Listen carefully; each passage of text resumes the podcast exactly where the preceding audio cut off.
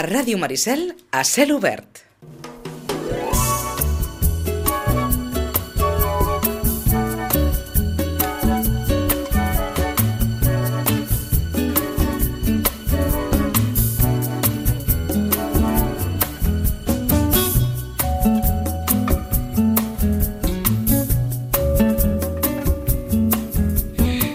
podrien definir la secció com a lectures d'estiu. O, si volen fer servir el llenguatge de les àvies, lectures d'estiu. Amb Rosana Lluc. Rosana, bon dia i bona hora. Hola, molt bon dia. Lectures d'estiu o d'estiu. Jo no sé si t'ho demanen a la botiga això, alguna cosa per llegir l'estiu. Sí, sí, sí, que, Sí.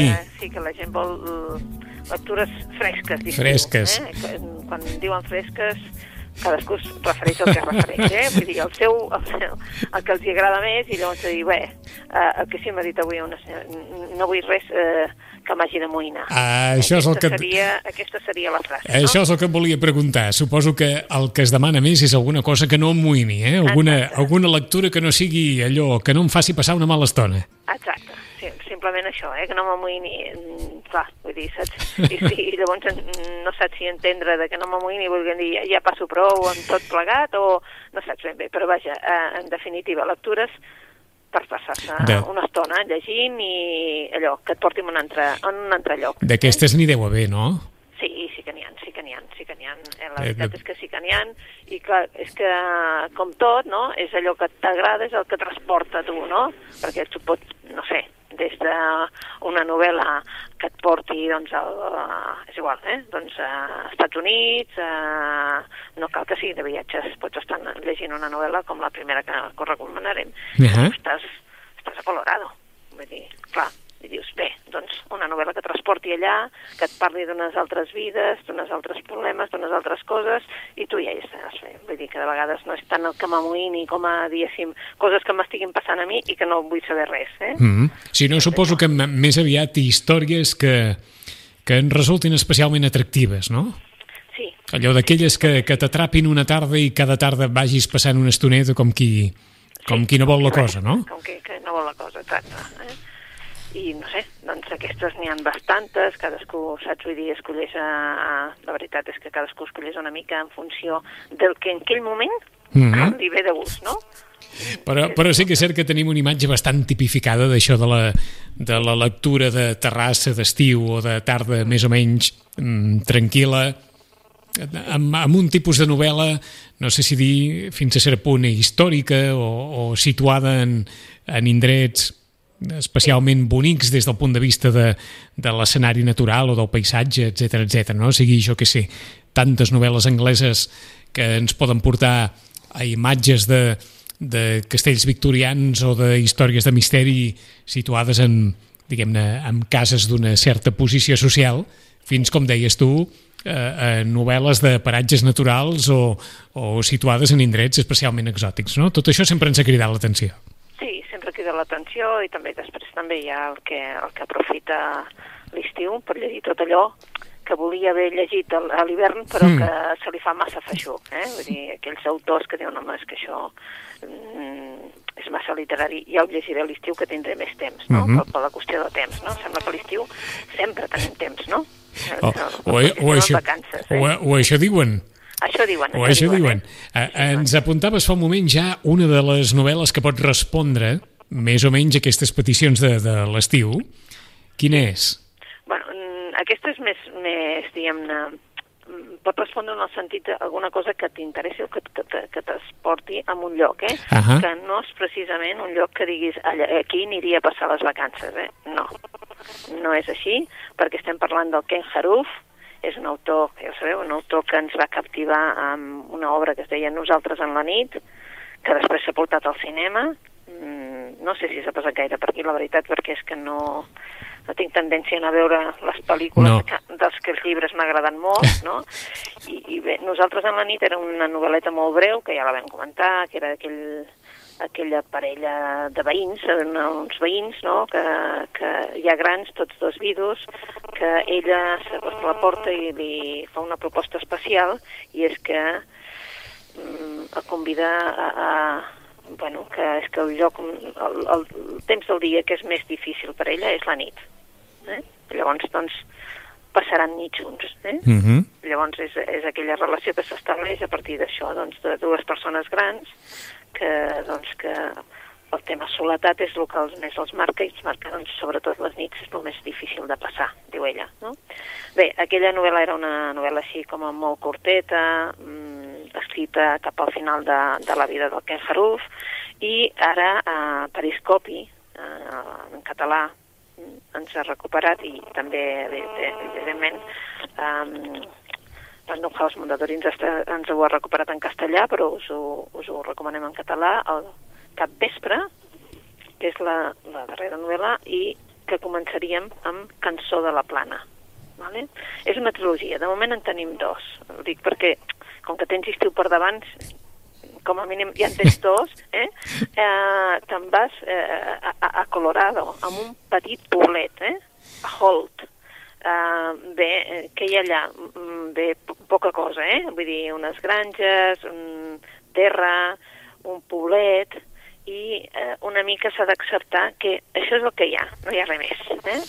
Eh, doncs, i allà què, què passa? Doncs hi ha un professor, o sigui, aquí la veritat és que um, ens aporta uns personatges, el Ken Haruf, que faran que tu estiguis amb la, amb la bellesa de l'escriptura de com ens ho explica tot el Ken Haruf, no? És un professor, tenim un professor, un professor que la seva dona doncs, sembla que tingui doncs, com uns nervis, com un atac d'ansietat, etc etc, que farà que ella decideixi doncs, marxar, primer a una altra casa, després a casa de sa germana i finalment marxa del poble. Uh -huh. um, deixa allà els seus dos fills, um, dos fills que la veritat és que encara són joves, no? però bé, hauran d'iniciar la vida doncs, només amb el seu pare com a, com a referent. No?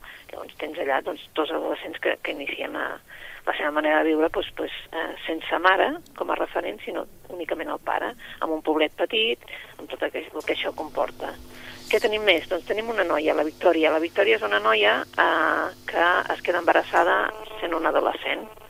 I aquesta noia que es queda embarassada sent una adolescent, la seva mare agafa i li tanca la porta i li diu fins aquí. O sigui, t'has quedat embarassada, doncs adeu i molt, molt bones tardes, saps? I uh -huh. a partir d'aquí, clar, uh, tu veus que una dona que, que deixa amb la seva filla embarassada al carrer, simplement perquè una mica després vas entenent que potser el que ella no volia és que repetís la història de la seva pròpia vida, no? Perquè aquesta noia, doncs, també el seu pare la, es va abandonar, no? Clar, aquesta noia haurà de buscar refugi. I on te busca refugi? Primer, amb una senyora gran, no? La Maggie, que li ofereix eh, doncs, xupluc i que decideix que, doncs, bueno, que haurà d'anar a, a, a visitar el doctor, el doctor Martín, que és el doctor del poble, diguéssim, i hi ha directament la noia que diu que, esclar, és que mm, preferiria que fos una dona, una nena, diguéssim, i ella li diu, mira, escolta, això és el que hi ha. I això i a partir d'aquí t'hauràs de conformar, perquè això és el que hi ha. Uh mhm. -huh. Això és com una filosofia de dir, bé, doncs acceptem el que tenim, sí, la, perquè la... una altra cosa... la, forma, eh? la forma finalista de la vida, eh? Exacte. Bé, doncs i aquí, doncs com va, ella va parar a casa d'uns germans, d'uns germans solters que tenen una granja, com es fa la vida, eh, com realment eh, la bellesa està simplement en com ens relaten els fets, quins, eh, quins personatges van apareixent i com és la vida d'aquests personatges, que és, mm, saps, uns personatges amb una comunitat petitona, amb una comunitat rural, eh, una comunitat que evidentment doncs, va cap a... cada vegada s'està modernitzant més, però clar, alhora, clar, és una comunitat petita, té una tradició, té uns valors tradicionals que, que, que, que s'han de conservar, vale? i així doncs, tenim doncs, això, no? una mica uns personatges que després, en el llibre que s'ha publicat ara al capvespre, continuaran clar, continuaran perquè, és clar, eh, la Victòria ja ha tingut la seva filla, la nena ja té dos anys, i ara potser és el moment que ella s'hauria de plantejar altres coses, no? Vull dir, què? Doncs precisament, doncs potser estudiar i ser algú a la... Ah, és que és un adolescent encara, vull dir, per tant, potser hauria d'estudiar, no? Um, bé, hi ha noves històries, eh, nous personatges que s'entrellacen amb els altres, i tu diràs, bueno, doncs massa cosa no passa. La gràcia del llibre és mostrar-nos que amb molt poca cosa el Ken Haruf en fa un tot, no? I de com ell ens explica doncs, eh, els personatges, els seus sentiments, com es desenvolupen, eh, què passa en una zona rural de, de Colorado i com la bellesa natural també eh, del lloc doncs de vegades també omple la, la novel·la, que sembla que no hi hagi res, però en definitiva hi és tot. Mm -hmm. A la novel·la ens deies que forma part d'una trilogia. Sí, de moment en tenim dos, eh? i suposem, Periscopi encara no ha dit quin, quan farà l'altre, però és que el de cap vespre seria, doncs clar, com que és d'aquest any, suposem que encara trigarem, doncs això, uns quants mesos a veure el tercer. Però no massa, suposo. D'acord, no o sigui, cap vespre de moment fa binomi amb Cançó de la Plana? Sí. D'acord. Exacte. I llavors, per, per, qui vulgui, per qui vulgui agafar els dos volums de la trilogia i d'alguna manera fer ja un, un primer pack i seguir aquest film, no? Exacte, eh? i llavors esperar, si de cas, el tercer. Jo us uh -huh. que els, que els que han llegit el, eh, el primer el cançó de la plana uh, s'han posat molt contents de que sortís al cap vespre. Però no és una novel·la ni d'aventures, ni de, uh -huh. allò, ni, ni de grans coses que passin. D'acord, és una, poques coses, és una però... novel·la d'ambients, d'entorns, de quotidianitat. Exacte. Uh -huh. Doncs I... que quedi clar de Ken Haruf, cap vespre, en companyia de Cançó de la Plana, que forma part d'aquesta trilogia que ens assenyalava la Rosana. Però, per qui li agradi un tipus de novel·la que evoca paisatges, persones, emocions, més que més que situacions i més que acció dramàtica o, o en definitiva d'aquelles que, que ens enxampen directament per la, per la dinàmica de la història, eh? que no, no va per aquí això. Per on seguim? Seguim eh, una mica en el, aquest ritme, però se n'anem a Anglaterra i se n'anem amb Elizabeth Taylor. Elizabeth Taylor va haver de patir durant bastant de temps el fet de que conviure eh, amb temps, o sigui, amb temps real, és a dir, amb, ella a Anglaterra i l'Elizabeth Taylor, actriu a Estats Units, vale? tenint el mateix nom, l'Elizabeth Taylor d'Anglaterra rebent un munt de cartes demanant-li eh? demanant fotos d'ella en biquini, sí. vale? i el seu home dient, home, jo els hi enviaria, eh? Saps? Els homes doncs, li enviaven eh, cartes pensant-se que era l'Elisabet Taylor. Sort, sort que m'has resolt aquesta qüestió, que és la primera, suposo, que deuries sí. pensar. Ara em preguntarà això, de l'Elisabeth Taylor. O sigui que Elizabeth Taylor, escriptora... Eh, sí, Elizabeth Taylor, escriptora... Vale? De mateix nom exacte que l'Elizabeth Taylor, actriu de cinema. Sí. Eh? Mite cinematogràfic. Exacte vull dir, potser eh, una mica més gran, però clar, l'Elizabeth Taylor, eh, escriptora, més o menys em sembla que va morir quan va morir el 75, i més o menys era l'època, crec que era l'època més o menys que es tornava a casar amb el, amb el Richard Barton. És el que anava a preguntar, no sé si a l'Elizabeth Taylor, escriptora, li arribaven cartes dient què has fet amb Richard Barton. Ah, sí, saps? Vull dir que, és que clar, però ell ho veia com un fet curiós, no?, perquè va ser completament diferent, evidentment, la seva vida va ser molt diferent diferent, la seva vida era... Eh, aquesta dona va, va, uh -huh. va néixer a, a Reading, a, vale? i clar, va ser una vida doncs, normal, una vida que ella no va poder anar a la universitat per culpa de, diguéssim, de la nota de matemàtiques i tal, vull dir, era, bueno, mecanògrafa, secretària, el que podia ser en aquell moment, va ser bibliotecària, va ser un munt de coses, i després es va casar amb un senyor que tenia eh, eh, Taylor, que es va, el senyor Taylor, que, es va, que tenia una, una fabriqueta de d'això, de, de, de caramels, vale? Sí. I llavors, clar, a partir d'aquell moment ella va fer una vida com a molt, molt, molt tranquil·la. Vale? Molt tranquil·la en el sentit de que ella era mestressa de casa i això, aquesta vida tan avorrida de mestressa de casa, sempre deia, li permetia escriure. Llavors mm -hmm. va ser una... Bueno, Kingsley Amis eh, va, dir, va, va, va dir, llegir les seves obres i va dir és la millor escriptora que hem tingut en el segle XX. Caram! Uh, autors com ell, després la seva també va ser amiga seva, saps allò? Mm, van ser... Va ser una dona que realment eh, sense fer gaire cosa, sense moure's gaire, va publicar, va tenir èxit a, a Anglaterra, però és clar, era una dona que reivindicava, no com els altres, eh, que a les novel·les tampoc no havien de passar grans coses.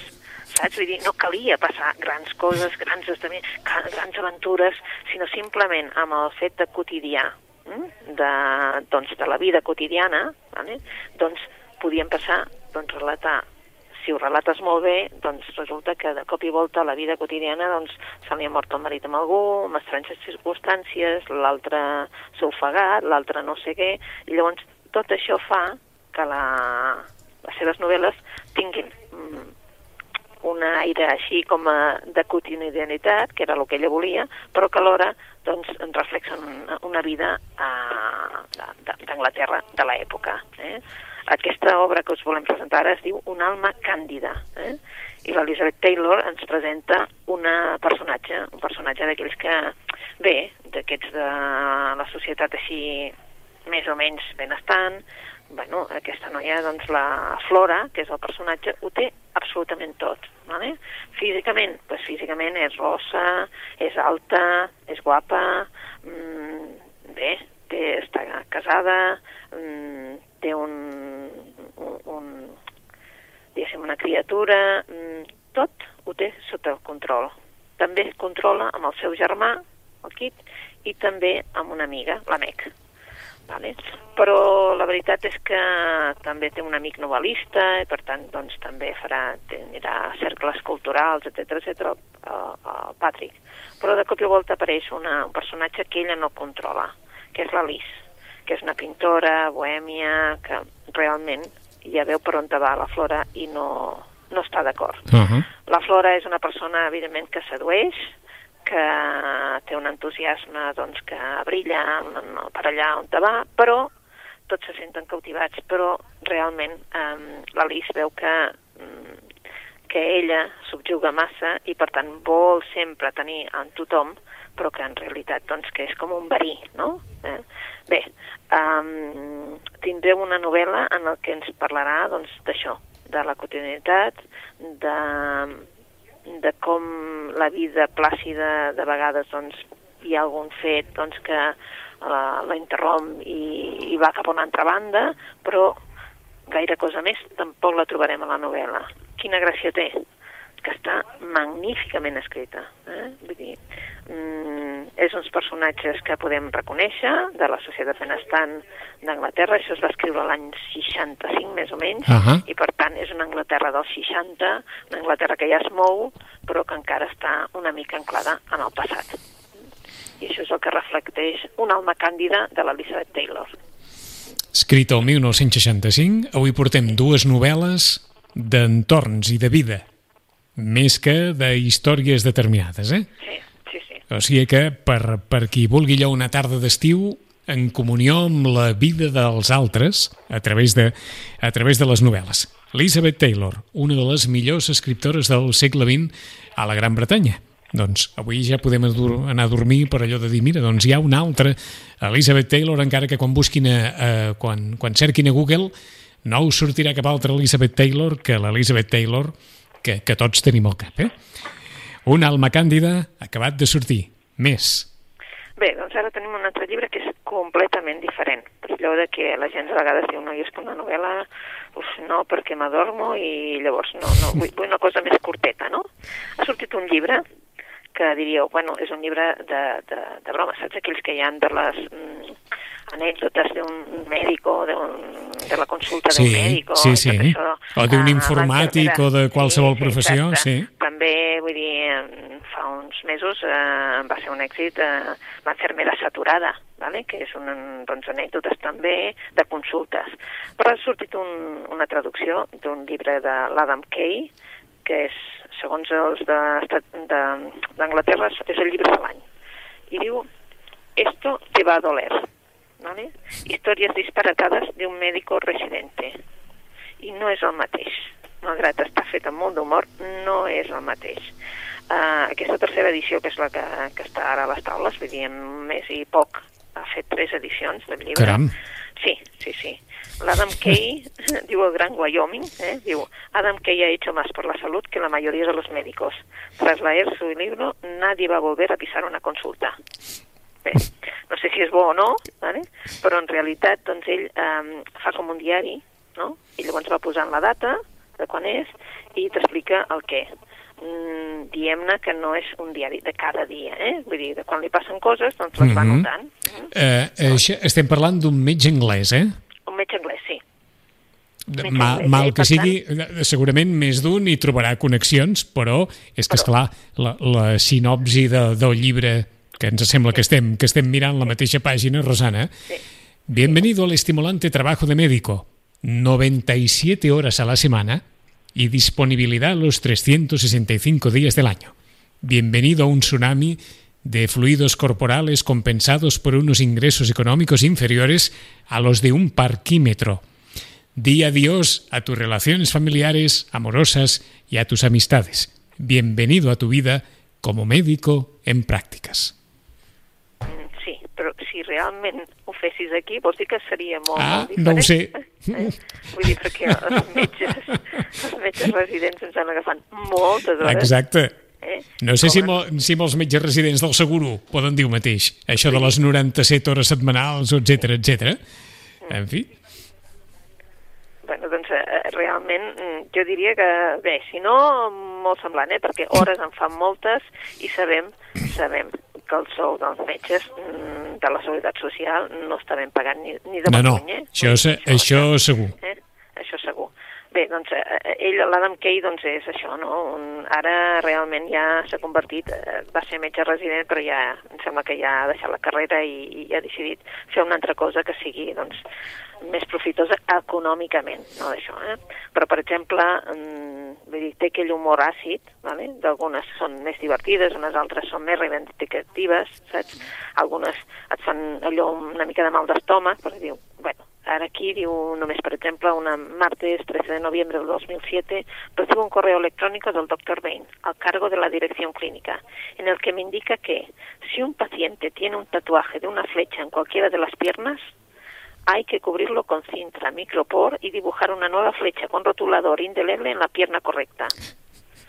A partir de ahora, ese dato se incluirá en el documento de política interna y me agradece mi valiosa aportación. Ja t'imagines per què deu ser això. Sí, o sigui, està algú clar. Li han, fet, li han fet una cosa amb una cama que no tocava per tenir un, un, un d'això, un, un tatú, no? Un Ah, tatuatge sí. amb la cama que no tocava i s'han equivocat de cama. Vull dir, és, eh, això és, és més que evident, no? Um, clar, n'hi ha una altra, per exemple, doncs, que es queixa doncs, de que una companya, no?, eh, s- bueno, s'ha inflat de, bueno, diguéssim que ha tragat més, més comprimits d'una companya, eh? Vull dir que eh, s'ha intentat, és com un intent de suïcidi, el que passa que ha sigut inocuo, perquè, doncs, bueno, eh, però que en comptes, doncs, de- d'alertar, de, de dir, bueno, escolteu, doncs, res, s'han hagut d'enterar per un amic, mai per un correu intern dels, dels metges, i a més a més no s'hi ha posat cap solució, és a dir, se l'ha donat d'alta i s'ha acabat aquí, saps? Dir, I dius, bueno, mm, Llavors hi ha un altre, per exemple, que és com a molt, molt divertit, perquè diu, bueno, una paciente de la clínica de atención prenatal me dice que Dorothy la, la ayuda por las mañanas con el estrés. ¿Quién es Dorothy? Su tía abuela a la que acompaña a comprar en un extraño ejercicio de relajación, como si de un perro de asistencia a la salud mental se tratara. Me informa de que Dorothy es como se llama en la calle a la ketamina. ¿Mm? Um, ¿Va bien para el estrés? Le pregunto sinceramente interesado en conocer la respuesta. Bueno, vull dir, saps allò, és aquest humor àcid, aquest humor mm, també més negre del, dels anglesos, um, en el que hi ha, hi ha de tot, eh? O sigui, en el que, doncs, sense mirar el pacient li estàs dient, escolta, i doncs, bueno, doncs, a partir d'ara, doncs, ja, ja està, vull dir, uh, sisplau, amb les relacions sexuals, vostè, senyor, posis un condó. I resulta, doncs, que era el pare de la noia, o sigui, saps? Clar, vull dir, és que, mm, saps allò de dir, bueno, mm, ens passa absolutament de tot. Bueno, doncs esto te va a doler si voleu passar un rato a veure, entretinguts sí, alguns són durillos en el sentit de dir, bueno, són també un reflex de com està la seguretat social. Eh? uh, bé, és el moment en què la Seguretat Social d'allà es va desmantelar eh, i es va privatitzar.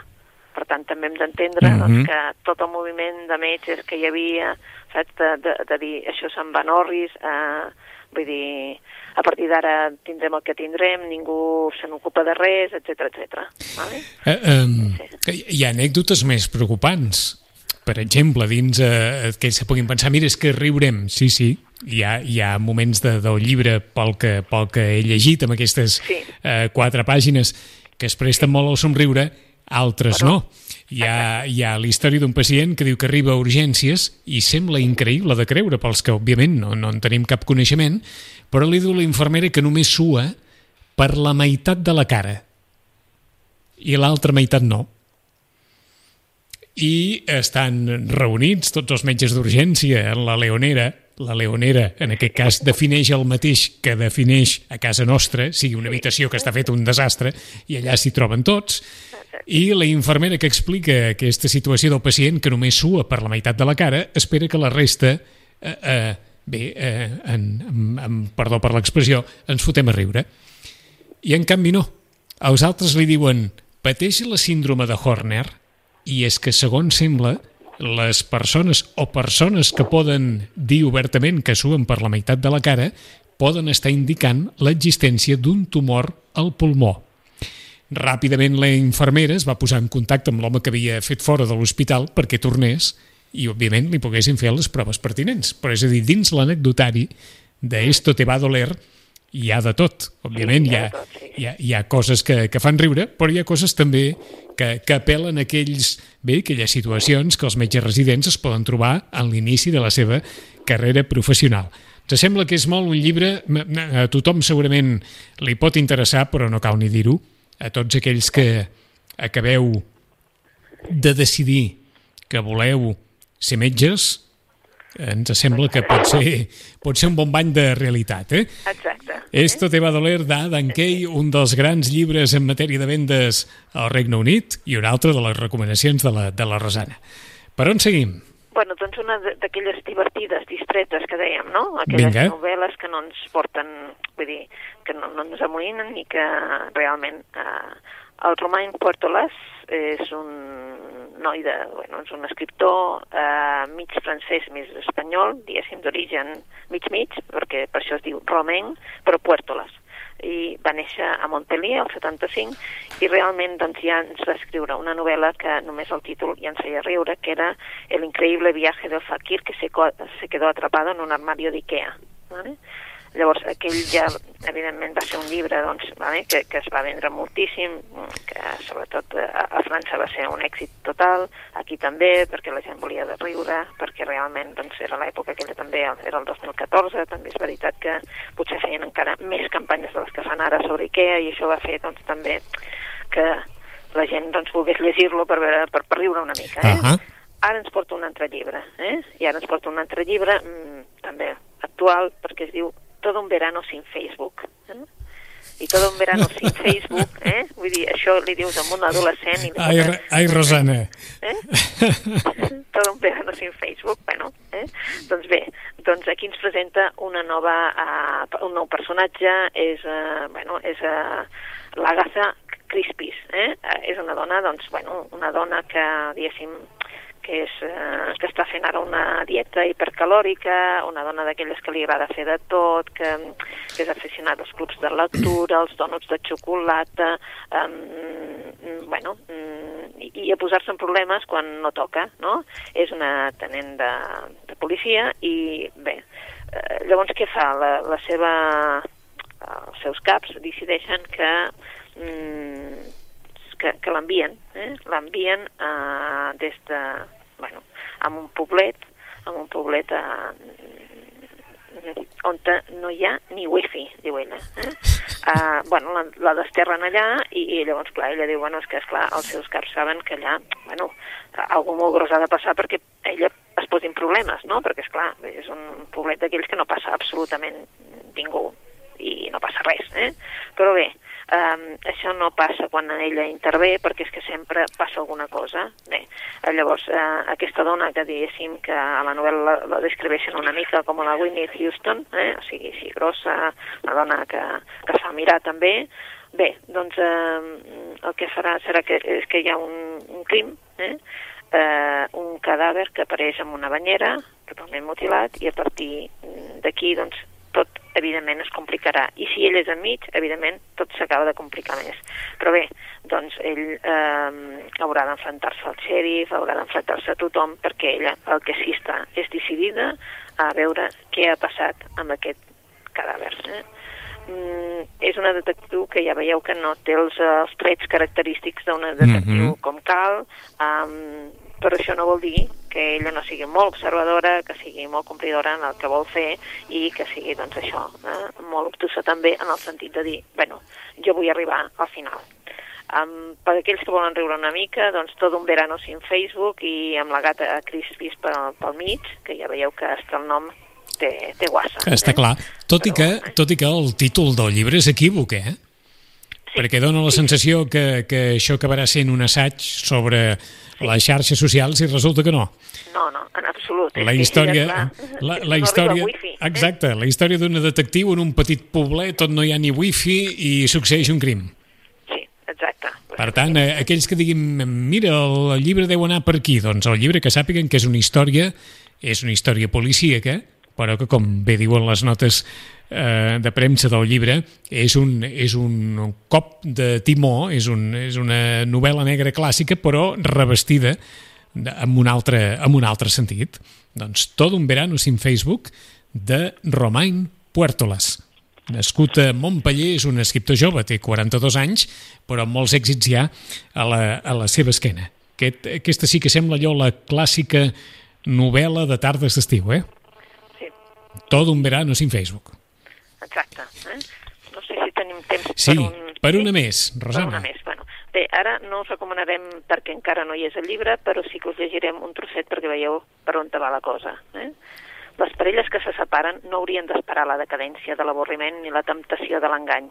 En el moment de plenitud, quan l'amor es propulsa gràcies a les afinitats i l'entusiasme, haurien de ser prou generosos per deixar-ho estar i amb la satisfacció de la feina ben feta, consensuar un punt final que no deshonorés els dies viscuts. Mm. Així s'estalviarien el dolor de les renúncies i el càstig d'interpretar els sentiments com el que són i no com el pretext per transformar l'afecte en repulsió o indiferència. Això és l'ideal, eh? Sí. O seria l'ideal. Doncs eh, això, això, qui ho escriu és el Sergi Pàmies. Vaja. Vaja, eh? El Sergi Pàmies, el dia 29 d'agost, ens portarà aquest nou llibre que es diu L'art de portar gaba- gabardina. Eh? La veritat és que aquest és el esborrany de ponència per un hipotètic congrés de separats. Eh? és el títol del llibre. Com tots, vull dir, clar, eh, ja feia temps, ja si recordes, em sembla que ja fa Sí. potser cinc anys que va treure el darrer llibre, si no en fa cinc, fa quatre i escaig, vull dir, però segur que ja fa bastant de temps que ens va treure aquell de cançons d'amor i de pluja. Mm. Uh, clar, quan Bé. surt un nou llibre del... del Després va del venir Sergi aquell, aquell del Barça, era? Eren Pàmies? Sí, eh? Sí, sí, bueno. Uh, Que va coincidir, no sé si va coincidir amb un Sant Jordi o alguna cosa d'aquestes. Sí, però És que no... Clar, per un llibre de contes, contes, Sí, sí. de dir, sí, eh? Mm, clar, què fa? Pues, eh, evidentment, doncs, eh, eh, l'editorial espera doncs, que passi l'estiu i diu, bé, doncs, el primer llibre de la tardor nostre serà aquest. Mhm. Quan? Pues el 29 d'agost. 29 d'agost, sí El senyor. 29 d'agost, o sigui, el 29 d'agost desembarquen bastantes editorials amb llibres nous, o sigui, ara ja, te'n recordes, ja fa anys que estem ja adelantant una mica, ja no és setembre, sinó que és ja 29 d'agost. I aquí, doncs bé, jo crec que serà, llegit el primer trosset, vull dir, serà això, doncs, eh, vull dir, com sempre, no? Reflexió, ironia, Mhm. melancolia, però en realitat això, aquesta fascinació per l'absurd que té el, el Sergi Pàmies ens porta tots de cap i realment ens agrada I, moltíssim. I com que, com que ens sembla que no hi ha res d'en Sergi Pàmies que no sigui recomanable, Exacte, no hi ha res d'en Sergi tot Pàmies que no des, sigui de, recomanable. des dels articles periodístics a les intervencions radiofòniques, passant per els, eh, els llibres de contes, etc. eh, eh, veràs, un, un relat que comenci ens hem conegut a la vora d'una piscina d'hotel on encara no sura cap cadàver. És la festa d'aniversari, 50 anys, d'un conegut radiofonista. Els gairebé 200 convidats som el resultat d'una tria que barreja familiars, amics i companys de feina. Aquest és l'inici d'un dels contes, el conte Eclipsi, de l'art de portar gabardina. El llibre té portada. Eh, la portada és un pollastre rostit en una, en una, en una safata i unes quantes patates, bé, una mica d'allò que en diuen abans, o en deien abans, guarnició. Exacte. Doncs amb una mica de guarnició, el 29 d'agost, Quaderns Crema publicarà l'art de portar gabardina, o sigui que entrarem a la tardor eh, allò, per la porta gran, eh? Per la porta gran, sí. A més a més, vull dir, clar, també ho fan en un moment en què encara molta gent estarà de vacances, Sí. per tant, podrà aprofitar aquests últims dies per, per disfrutar d'en Sergi Pàmies. I com que molts ja, ja en parlen, eh, eh, la tardor que s'encetarà amb la Setmana del Llibre en català, etc etc, hi ha moltes novetats previstes, hi ha una rentré allò... mm, Hi ha una rentré potenta. Potent. Sí, hi ha una rentré potenta perquè mm, el mateix, diria que és el mateix dia, no sé si és el 29 o ja passem al 4 de setembre, perquè hi ha moltes que passen del 29. Tenim també la nova novel·la de, de la Rojals, Mm, que també promet ser un èxit. de la Marta Rojals. de la Marta Rojals, saps que les dues novel·les anteriors han, han estat un èxit, ara eh, publicarà a Anagrama, en comptes de la Magrana on ho feia normalment, i clar, mm, doncs ja és una de les altres apostes que ha fet Anagrama per entrar amb bon peu, perquè, és clar comença la tardor amb un gran llibre també, Mhm. la Marta Rojals. Aquest hem de dir que encara no l'hem llegit, per tant tampoc no us puc dir si, si continuarà sent. A mi la Marta Rojals sempre m'ha agradat també, vull dir, amb aquests dos llibres que ha fet, amb els articles que fa, etc etc. però veurem si ara també doncs, podem dir una gran novel·la. Eh? Doncs anem a repassar algunes de les novel·les que ens ha deixat la Rosana per aquestes tardes d'estiu de Ken Haruf, Cap Vespre i Cançó de la Plana. Són dues d'una trilogia, la tercera encara està per, per editar, eh, recuperades de la, de la producció d'aquest autor que va morir l'any 2014. Història de petit poblet a Colorado amb tot un seguit de vides personals. No és tant allò que passa, sinó com s'explica i com el temps es defineix a partir de, de les diferents històries que es plantegen en les novel·les. Això per un costat. En aquest sentit, o en aquest registre també, d'Elizabeth Taylor, novel·lista nascuda a Reading, a Redita, una obra que es va publicar l'any 1965, Un alma càndida, vida molt tranquil·la de mestressa de casa qui li permetria escriure per una dona que va ser qualificada com una de les grans escriptores angleses del segle XX. Una història també, una història personal que agrada més per com s'explica que no tant per les coses que passen. Qui vulgui riure, qui vulgui riure a partir d'anècdotes d'anècdotes mèdiques d'un resident, doncs aquí té Esto te va doler, d'Adam Kay, un dels allò grans llibres en matèria de vendes dels darrers mesos al Regne Unit. Tot un verano sin Facebook, aquesta història policíaca, però policíaca reversionada en un altre registre de la investigadora Agatha Crispis, posada en escena per un autor jove nascut a Montpellier l'any 1975 i que ja té uns quants llibres a l'esquena amb gran èxit, sobretot a França. I la Rosana ja ens ha apuntat, 29 d'agost, final d'agost, Sergi Pàmies, l'art de portar gabardina. Se'l poden apuntar ja perquè la rentré de la tardor s'espera molt intensa. Rosana, com que ens tornarem a saludar d'aquí 15 dies, bona festa major Bona festa major també amb vosaltres. i que l'estiu continuï portant bones lectures. Exacte. Fins d'aquí 15 dies. Vinga, moltes gràcies. Bona lectura.